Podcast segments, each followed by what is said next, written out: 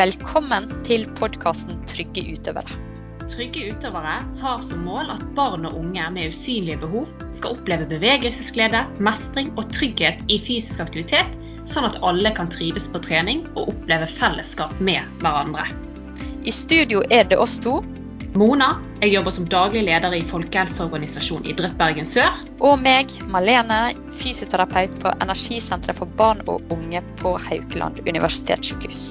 I dag har vi med oss Torvald Christensen og Tina Rydland i studio. Og sammen med de skal vi snakke om ungdom, rus og kriminalitet knyttet opp mot fysisk aktivitet.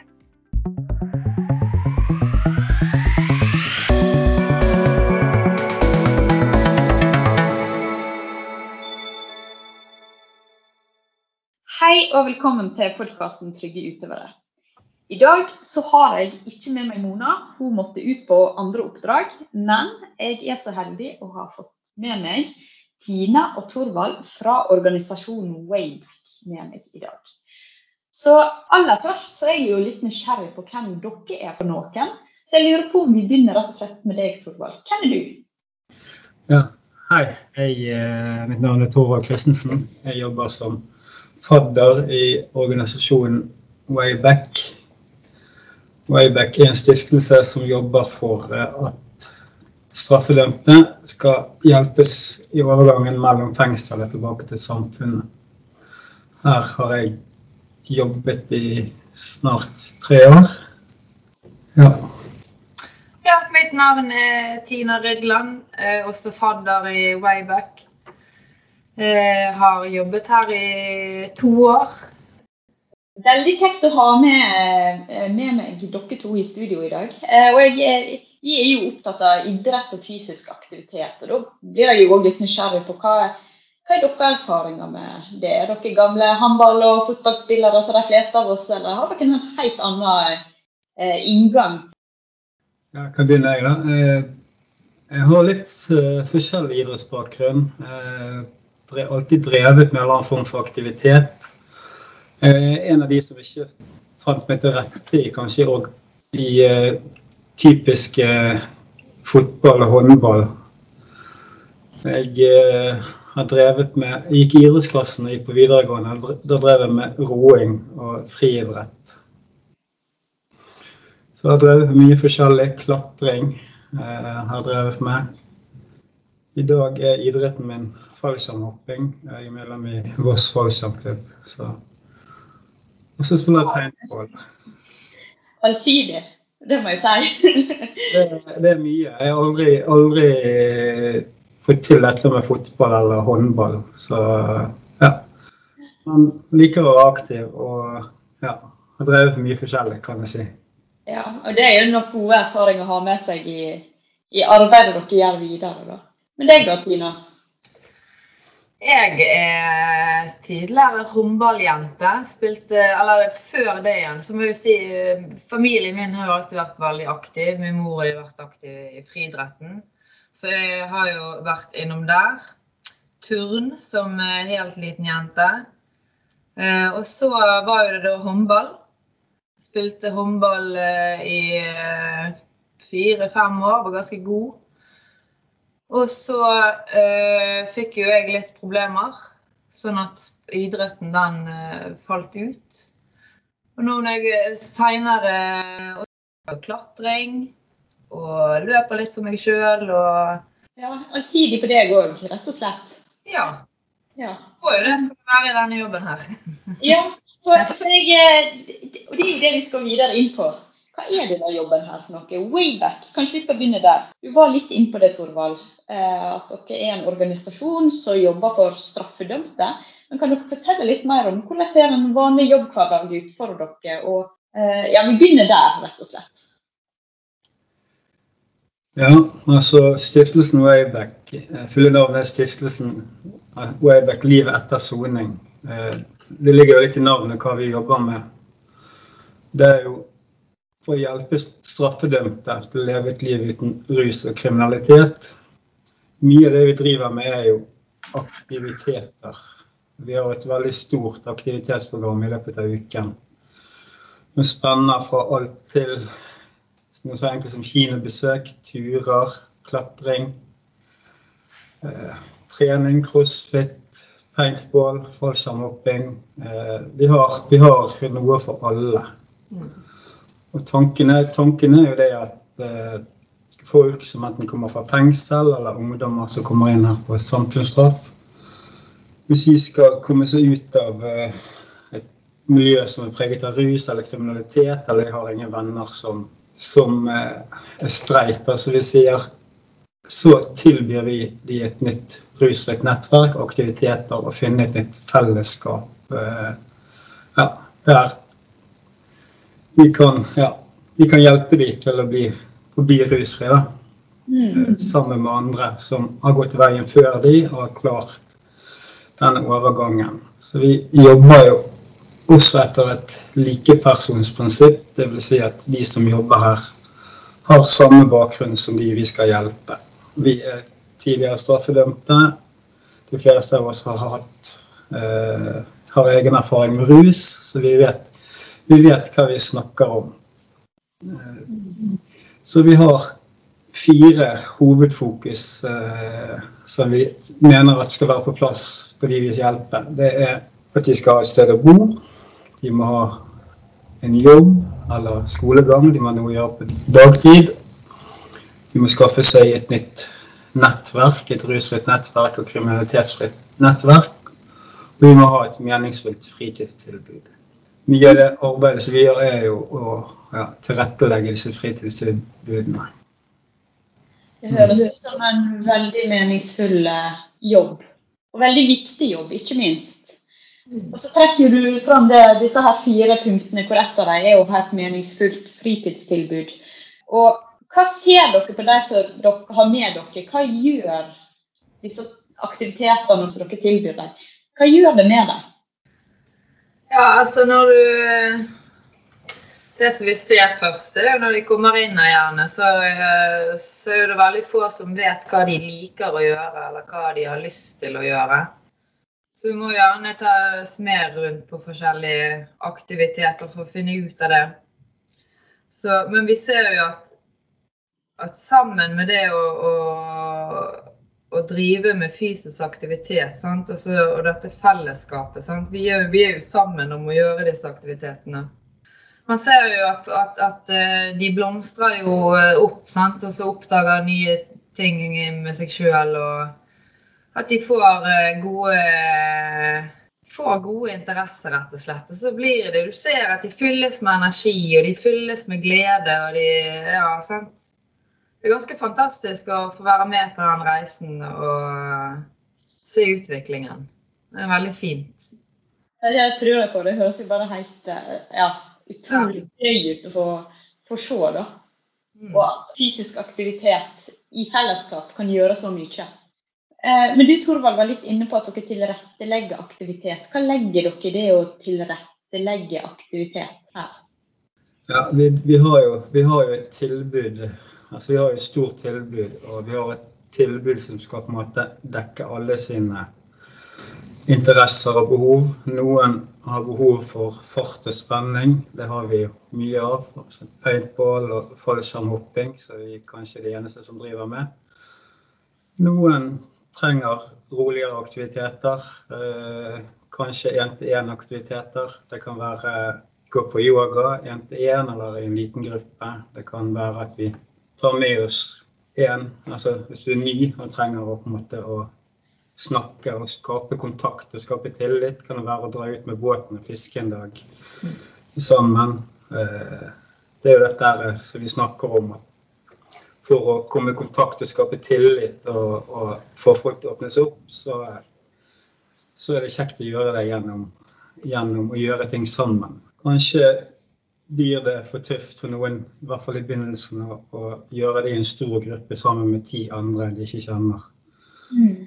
Uh, så vi må på en måte ja, føles litt frem. Hva er, altså, hva er interessene dine? Mm. Hva har du lyst til å drive med? Uh, ja, og så handler det selvfølgelig om å motivere folk til å måte, flytte grenser. Uh, være med og prøve ting. Være med og klatre en dag. Er dette noe for deg? Mange har aldri prøvd, fått prøve ut disse aktivitetene før. Men finner stor glede i klatring spesielt. Det har vært veldig mange i det siste som har fått et stort miljø rundt klatring og klatrer fast eh, både utendørs og innendørs nå.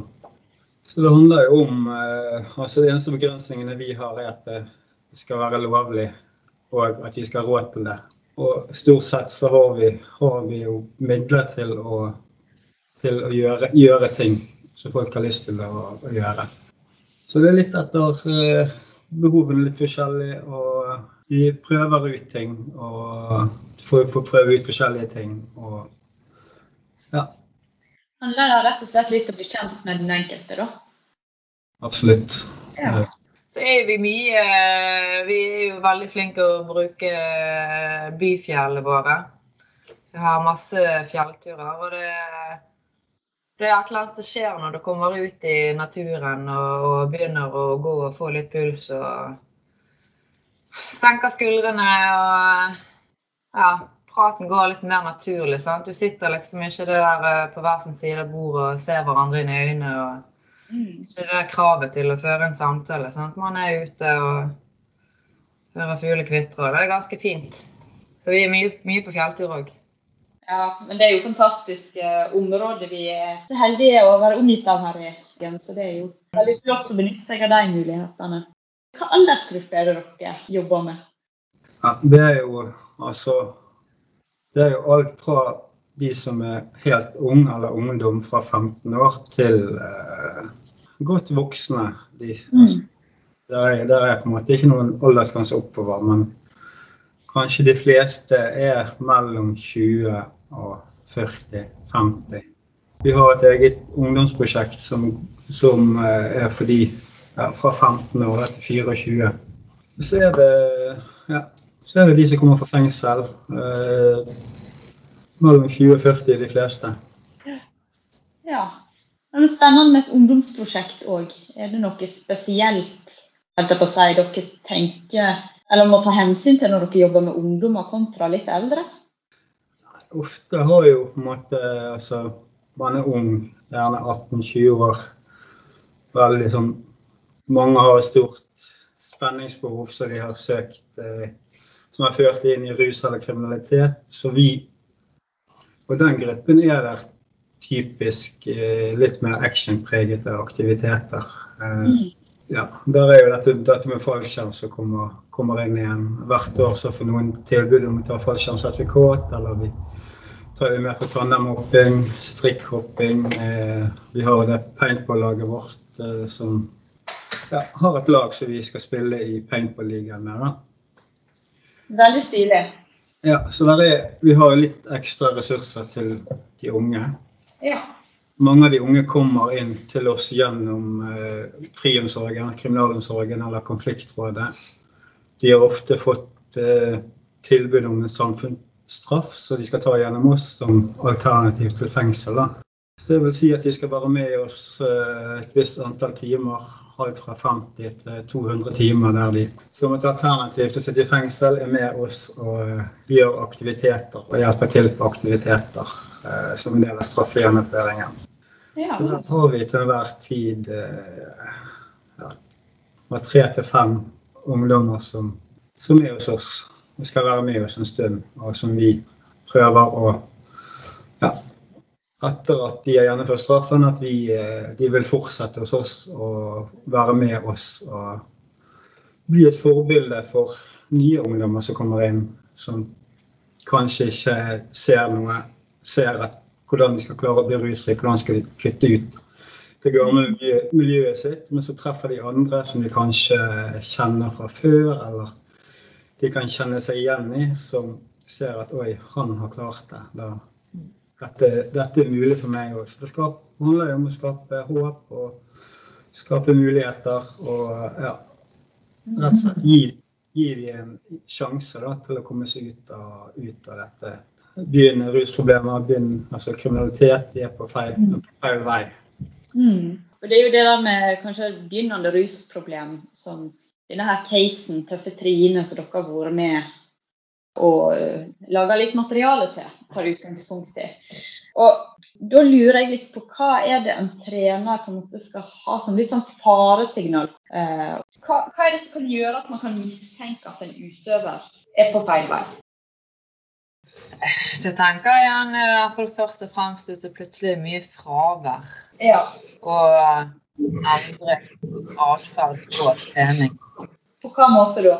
Det, kommer, det kan jo være litt eh, kommer egentlig kanskje litt an på hva Hvis det er rus, da hva rusmiddel det er snakk om. sant?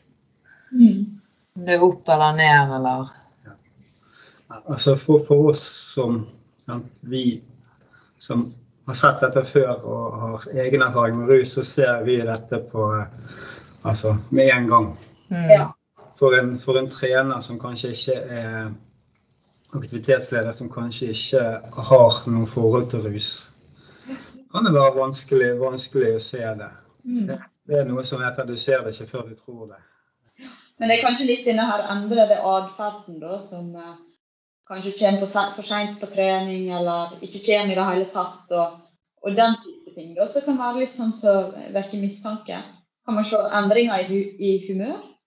Ja, altså hvis kan være kjempeenergisk og, og prater masse mer enn vanlig og ler og at man blir kanskje sånn dobbelt så utadvendt som vanlig da, og bråsjekk og alt sånt. Eller, være andre veien, mer innadvendt. Men da, da vil jeg tro at man kanskje dropper treningen. Altså, vi merker det ofte at uh, det skjer jo i Wayback at folk eh, faller tilbake til rus. og Det første vi merker er at de er vanskelig, og vanskelig å få tak i. De tar Mm. ikke telefonen. Mm. kommer for seint, de kommer ikke, møter ikke til avtaler. Det er jo typisk. Og når de kommer, så ser vi det veldig fort på atferden. Så hvis du kjenner, så hvis du kjenner på en måte den ungdommen Mm. du merker at atferden endrer seg, Mm. det er grunn til, grunn til å liksom stoppe opp litt og, og lure på hva, hva dette er. Ja. Og hvis jeg da som trener har, har mistanker om at jeg har en utøver som er på vei feil vei, hva gjør jeg da? Har jeg noe ansvar som trener, eller eh, skal jeg tenke at det der er skolen eller foreldre eller noen andre som må på en måte ta opp? Jeg tenker at du har ansvar som trener, at alle har et ansvar. Både Mm. skole og foreldre. Og, som trener eller aktivitetsleder har man, har man et ansvar å ta tak i dette. Jeg tror det er ganske typisk at uh, å, å overlate dette til andre har litt berøringsangst i forhold til rus, for man vet ikke helt uh, hvordan man skal gripe fatt i det, hvordan skal man snakke om dette. At man tenker at dette er noen andre som må ta tak i. Mm. Så man har absolutt et ansvar som trener. Både overfor den enkelte utøveren og for de andre på laget. Mm. Men hvordan, hvis jeg bare har en mistanke, hvordan går jeg fram da? Kanskje, eh, ja, det kan jo virke veldig angripende kanskje å komme og legge mistanken din eh, tydelig fram for utøveren, eller? Ja, det er jo Man, man må jo på en måte eh, være ærlig og spørre, spørre utøveren.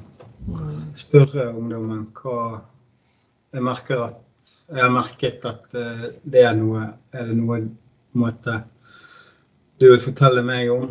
Eh, har du et rusproblem? Har du begynt å ruse deg? Eh, og så er det dette som vi har snakket om, som vi også bruker, at det å konfrontere, konfrontere ungdommen på trening eh, foran de andre er jo veldig feil. Mm.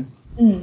Så man, man, må, man må jo ta tak i det. Man må møte, møte ungdommen med på en måte, respekt, Mm. forståelse.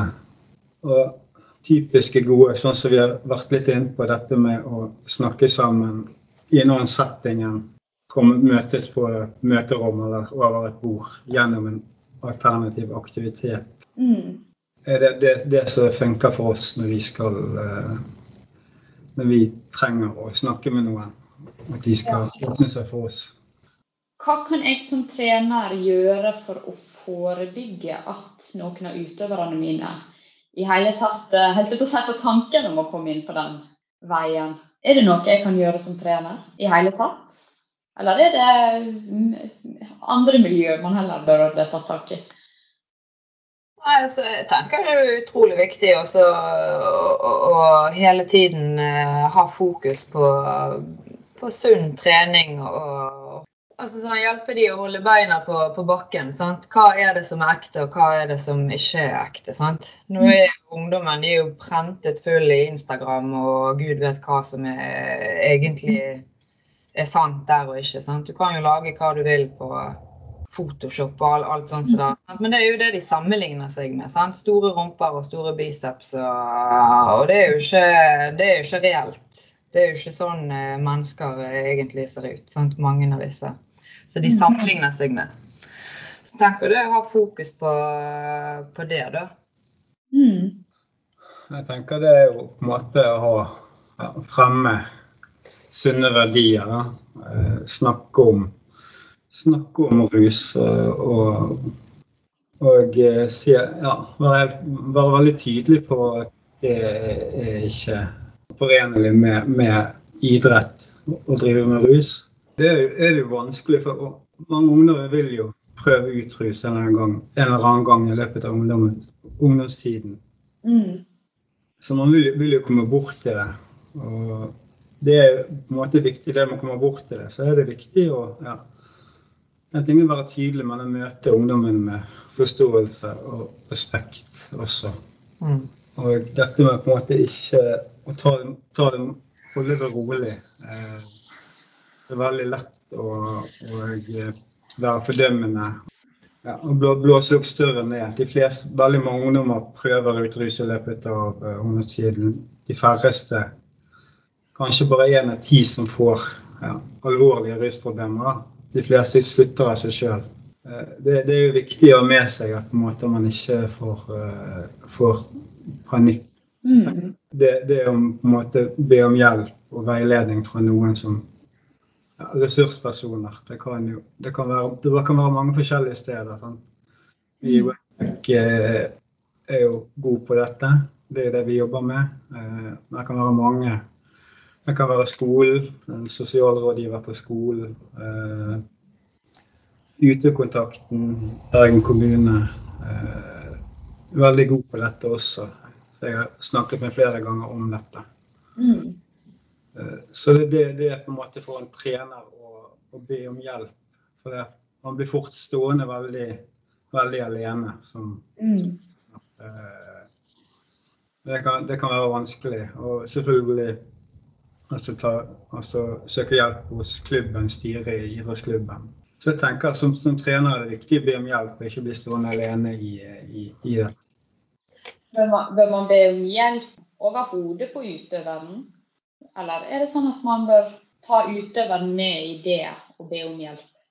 Alt dette bør jo gjøres i samråd med utøveren, helt klart. Mm. Det handler jo om på en måte å møte, møte det med respekt og ikke støte utøveren fra seg. Er utøveren under 18 år, så må jo foreldrene også kobles inn. Det er jo det er naturlig. Ja, men Det er veldig gode råd for å, både hva man skal se etter, men også hvordan man kan gå fram for å håndtere disse her eh, utfordringene. Jeg er jo òg litt sånn nysgjerrig på Vi har jo nå vært igjennom og er fremdeles i en pandemi. Ting har vært nedstengt. Vi hører om barn og unge som sliter. Det er stort press på psykiatrien f.eks. Har dere sett noen endring i på en måte deres eh, målgruppe sine mønster eller behov i løpet av perioden? Ja, altså nå, Det var jo lenge stengt uh, alt, sant. Mm. Vi har jo gjerne måttet jobbe litt for å få de i gang igjen. Uh, uten, altså, Men det, sånn, sånn, har vi vel alle kjent litt på, at vi, motivasjonen stopper litt opp, og så blir vi litt vant til å være hjemme, eller. Uh, så vi har jo litt færre folk som er aktive nå, enn før alt dette korona startet. da. Vi har jo òg mindre tilgang, eller vi har jo ikke tilgang på fengselet sånn som vi hadde før. Så det der å verve nye medlemmer og at de i det hele tatt har tilgang til å være med oss. Det er jo òg noe som har utgått. Og, og sånn, det å få inn folk fra behandling er jo heller ikke mulig nå. Ja, vi, vi, ser, altså, vi er bekymret. Eh, Det er jo noen som på en måte vi har mistet kontakt med underveis. Mm. Noen kommer ikke lenger på, på tilbud, aktivitetene våre. Eh, og det er tungt for hver nedstengning. Vi kommer i gang igjen og stenger ned. Og for hver gang så blir det tyngre og tyngre å, å dra de i gang igjen. Mm. Mm. Og, eh, så det er jo det er jo. Vi jobber jo med en sårbar gruppe som ja, de har ikke andre, gjerne ikke andre tilbud enn våre. Så vi blir isolert, og det går utover ja, Det er forbundet med psykisk uhelse, rett og slett. Man blir deprimert, man blir ja, mer isolert. Det er lettere å falle tilbake til rus og falle tilbake i, i gamle mønster. Hva, hva tilbakemeldinger gir de uh, si utøverne eller uh, brukerne dere har som er, som er med nå, på tross av korona? Merker de noe endring med tanke på pandemien? Ja, de, de gjør jo det. Det er jo både, både det at det er vanskelig, vanskelig med jobb, det er vanskelig med, med skolegang. At de, de, blir stående. De får liksom livene sine satt litt på vent, mange. Mm. Men altså, de gir uttrykk for at de setter veldig stor pris på at uh, de har et tilbud. Og vi har jo vært på en måte veldig fokusert på det at vi skal holde tilbudene våre åpent. Og vært i tett dialog med Bergen kommune om Mm. dette. Og fått råd fra de og fått på en måte klarsignal for at vi skal ja, Vi jobber med en sårbar gruppe, og det er viktig at, eh, at vi har et tilbud. Mm. Det er jo veldig bra at dere får, får fortsette nå, selv om det sikkert er litt begrensninger for dere der òg til hvordan dere kan utføre aktivitetene deres, sånn som hos de fleste andre av oss. Det hadde jo òg vært veldig kjekt å, få høre en solskinnshistorie fra dere. For vi har jo mange, mange solskinnshistorier. Eh, Det er jo dette som gjør det, ja, gjør det så meningsfullt eh, å jobbe i Wayback, og derfor vi er så utrolig glad i jobben vår. Det er Mm. Der er, så mange solskinnshistorier. Vi har eh, flere. Vi har, jo, vi har en del ungdommer som har tatt samfunnsstraff hos oss. Eh, spesielt én. Han kom til oss for to år siden. Da var han kom fra et annet fylke. Han kom inn på samfunnsstraff hos oss, hadde mange timer. Hadde fra før bare kaos i livet sitt kom til oss, tok samfunnsstraffen hos oss, var med på aktiviteter, har vært med oss gjennom mange år. Eh, begynte opp på fallskjerm og aktiv, ja, selvstendig hopper i dag, eh, i full jobb. Eh, og har stiftet familie og fått barn. Så livet hans i løpet av to år er snudd helt på hodet. Det er jo helt fantastisk. Eh, gjort eh, full comeback til samfunnet. og eh, ja. Så har vi eh, på en måte andre som også har kommet til oss og levd et langt liv preget av rus og kriminalitet, som har gjennom trening snudd opp, eh, fått hjelp hos oss til å komme i jobb og har begynt å trene aktivt crossfit. Og han ene tenker på han trener nå hver dag og er på en måte ja, et stort forbilde for oss alle. Utgangspunktet hans var, var ikke godt. Han hadde nok ikke stor tro på seg sjøl idet han kom inn til oss, men han har virkelig på en måte tatt tak i livet sitt, fått mye hjelp gjennom, gjennom oss, men etter hvert så er han selvgående. Og jeg ser, jeg ser han poster bilder på Facebook hver dag der han har vært på trening, han har vært og gått tur. eh, ja, Spiser sunt. spiser sunt og på en måte ja, eh, i dag supersprek og ja, som sagt et stort forbilde. Så det er sånn Nå sitter jeg og smiler og kjenner at jeg blir glad og litt rør. Jeg skulle akkurat til å si det samme. Det er jo bare utrolig gøy å høre. da. Men hva, hva tenker dere det er med treninga som gjør at disse her bare Ja, nå, nå klarer jeg å måte snu rundt og, og få orden på ting. Altså jeg kan jo si litt for min egen del. da, Så ble jo egentlig trening eller fysisk aktivitet det ble jo min eh, nye avhengighet. sant? Men på en god måte. Det gir deg eh, ja, etter en treningsøkt, sant. Endorfiner og sant? Du blir jo litt høy på på Høy på livet. livet, rett og slett. Høy på livet. Sant? Eh, lykkelig. Føler deg utrolig lykkelig. Du har gjort alt du kunne. Du er dødsliten. Livet er bare helt fantastisk. Så har du god energi resten av dagen. Og det er den, den, den energien, altså. sant? Det overskuddet. Mm. Det er jo noe man tidligere fyrte jo kroppen full i kjemikalier for å få det overskuddet. Sant? Det der ekstra giret. Det kan du faktisk bare så enkelt som å trene litt, så får du det helt naturlig. Det er jo helt fantastisk. Ja. Ja. Hva tenker dere at eh, trening kan gjøre for Dere har vært litt innpå det, da, men på en måte selvbilde, selvtillit, det å få trua på seg sjøl. Tenker dere det er en faktor inni det her? Ja. Det er det absolutt. Det er det det handler om. Mestring. Det er å få til noe. Og kanskje oppdage at man er flink til noe. Mm. Eh, mange, mange av de som kommer til oss, som vi sa, de vet ikke hva de er gode til. De vet ikke hva de liker å gjøre. Så begynner de å spille paintball og oppdager liksom i løpet av et par måneder at oi, dette er jeg god til. Jeg, på en måte, her er jeg en ressurs. Mm. Ressurs på laget. Klatringen også er jo veldig fint det der for folk å oppdage at eh, de er flinke til noe. Ja. På seg sjøl og blir altså ja, Du får styrket selvtilliten og selvbildet ditt. og på en måte, ja, her er jeg flink til noe. Jeg er, ja. Mm. Man føler seg verdifull, man føler seg ja, kanskje sett av andre. og ja, det har, det har jo alt å si. Absolutt, absolutt. Det er jo eh, ja, igjen utrolig viktig arbeid dere gjør. Og så har dere jo vært litt på, inne på det her med altså, spenning og eh, Kan vi kalle det spenningsaktiviteter? At det ofte fungerer bra for denne gruppa her. Hva, hva legger dere i det, egentlig? Nei, det er jo eh, mye adrenalin da, på disse eh, aktivitetene som det der gjelder. I hvert fall fallskjermhopping. Sånn, det er jo altså Jeg kan si for min egen del. Jeg begynte å hoppe fallskjerm eh, for to år siden. og Falt for det med en gang. Det gir jo på en måte Det gir altså Før drev jeg med rus og eh, søkte kanskje spenning gjennom det. Og, men da jeg begynte å hoppe fallskjerm, så oppdaget jeg at eh, på en måte fallskjerm var jo ga mye, mye større kick enn alt annet jeg hadde prøvd før. Ja.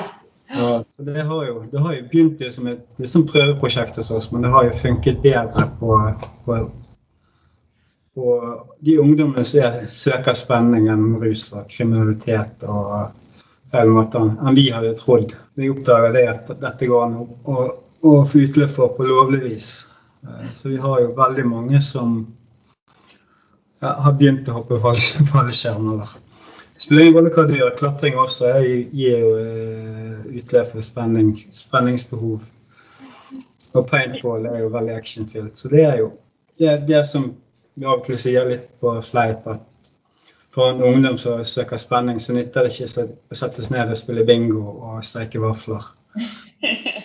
Nei. Og det er jo kanskje et godt tips å, å ta med seg i, eh, i hverdagen, tenker jeg. Eh, om man er trener eller andre som jobber med ungdommer, at eh, har man en ungdom man er litt bekymra for, så, så er kanskje en del av løsninga det å teste ut noe litt spenningsfylt, rett og slett. Og fylle det tomrommet som kanskje den ungdommen føler på, da. Det er jo, Man man må stilt opp for klare, klare alternativ. Altså, mange ungdommer er jo litt ambivalent. Hvorfor skal jeg, jeg er ung, hvorfor skal jeg gi opp eh, rusen? Hva, altså, hva får jeg igjen for det? Mm. Men så blir du en del av et fellesskap, du blir en del av et lag, du får gjøre spennende ting. Ting som kanskje andre til og med er misunnelige på. Mm. Mange har hørt det liksom at eh, søren på en måte at jeg ikke kvalifiserer til å være med i Wayback. Eh, Skulle ønske jeg var mer. altså. Så det er på en måte noe som måte de kan være stolt av, de kan vise frem til andre, som andre litt sånn ser opp til. Dette er spennende, dette har de lyst, de har lyst til å være med på. Altså, da blir det på en måte mye lettere å kutte ut rusen og kutte ut eh, altså, kriminelle ting og ting som å søke spenning på feil vis når man blir stilt opp for klare alternativ. Mm. Er du, er du trener eller er du aktivitetsleder og oppdager at eh, en ungdom som begynner å Du har mistanke om at de ruser seg, eller ja, de er på feil vei, så jeg vil jeg liksom oppfordre til å, å å, å be om hjelp. Mm. er klart uh, viktig. Man ikke blir stående alene. For at, uh, snakk med noen som uh, Snakk med oss, eller snakk med andre som har erfaring med å jobbe med, jobbe med dette. Og da nevnte du at både foreldre bør kontaktes hvis utøveren er under 18, og så kunne man bruke utekontakten eller rådgiver på skole, eller kan politiet Skal de blandes inn i det her? Det kommer litt an på. Eh, Politiet har jo også en rolle i forebyggende, eh, forebyggende arbeid, men jeg tenker at det, det kan være lurt å, lurt å prøve å løse problemet på lavest mulig nivå før Ja. politiet. Vår, vår modell er på en måte at, at eh, straff og trussel, trussel om straff hjelper nødvendigvis ikke ungdommen ut av, eh, ut av dette her. Kanskje, kanskje gjør vi problemet verre. Mm. Så jeg ville eh, på en måte i hvert fall i første omgang eh, snakket med utøvere, snakket med foreldre. Komme i dialog med, med den det gjelder. Og, og på en måte løse problemet før man på en måte kobler inn politi. Ja. Problem som var lite i utgangspunktet, får større konsekvenser da, i form av straff. Ja. Det er nødvendigvis ikke det, det beste for utøveren. Nei. Det går jo litt imot kanskje det, det ene rådet dere ga om å holde seg rolig. Mm. Ja, Jeg tenker det, men selvfølgelig politiet har, har en rolle oppi dette, de også. på et eller annet tidspunkt, Men kanskje ikke, kanskje ikke med en gang. Ja. Ikke det første, første man gjør, å kontakte politiet før man har forsøkt å kartlegge hva er problemet, hva, hva er løsningen på dette, hvordan kan jeg som trener og vi som idrettslag eh, hjelpe deg. Mm. Eh, finnes, finnes det alternativer i, i, i klubben? Finnes det andre ting i klubben som på en måte kan gi denne utøveren ekstra oppmerksomhet? Eller gi et ekstra ansvar i forbindelse med treningene? Altså mm. gi en tettere oppfølging. eh, tenker jeg er lurt. Skape gode relasjoner. Ja, være lyttende. Prøve å forstå eh, ungdommen. Hva, hva ligger bak? Ja, men Det er utrolig gode råd dere gir. Så helt til slutt så lurer jeg på Dersom dere skulle gitt ett råd til en utøver som står på kanten for å havne i et uheldig miljø, hva ville rådet dere vært da? Det, altså det er jo vanskelig å gi et universalt råd som skal passe enhver utøver i enhver situasjon. Det handler jo om å inkludere, altså få de inn i et miljø sammen med andre som har andre erfaringer, som kanskje har klart å, som har klart å komme seg ut av rus, eh, et rusproblem. Mm. Snakk med de, lytt til de. Hvilke erfaringer har de? Hvordan, hva gjorde de? Eh, de fleste, eller alle som har kommet seg ut av rus, eh, kan jo fortelle en historie om hvor det førte de. Mm. Og det er på en måte å, å få snakke med noen andre som har samme erfaringer, som kanskje ja, de ser opp til, eh, kanskje er på samme alder. Og lytte til å bli en del av et miljø som, har, som gir et alternativ til, til rus eller kriminalitet, er viktig. Mm. Har du noe du vil tillegge, Tina? Utrolig spennende å høre hva dere jobber med. Det, virker, det er et utrolig meningsfylt arbeid, hører jeg. Og virker som dere har en veldig, veldig gøy jobb, egentlig. Og veldig kjekt at dere kunne være med her i podkasten, og ikke minst å være med og utarbeide tips og råd til, til aktivitetsledere rundt omkring på akkurat denne problematikken her. Så tusen takk, Torvald, og tusen takk, Tina, for at dere tok dere tida til å være med i dag.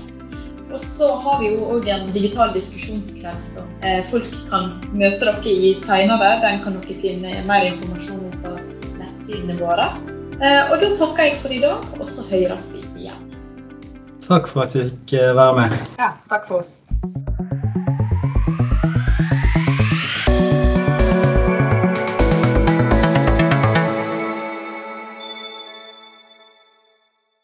Tusen takk for at du lytta til podkasten Trygge utøvere. Har du spørsmål, kommentarer, ris eller ros, ta gjerne kontakt med oss på post krøllalfa tryggeutovere.no. Vi høres!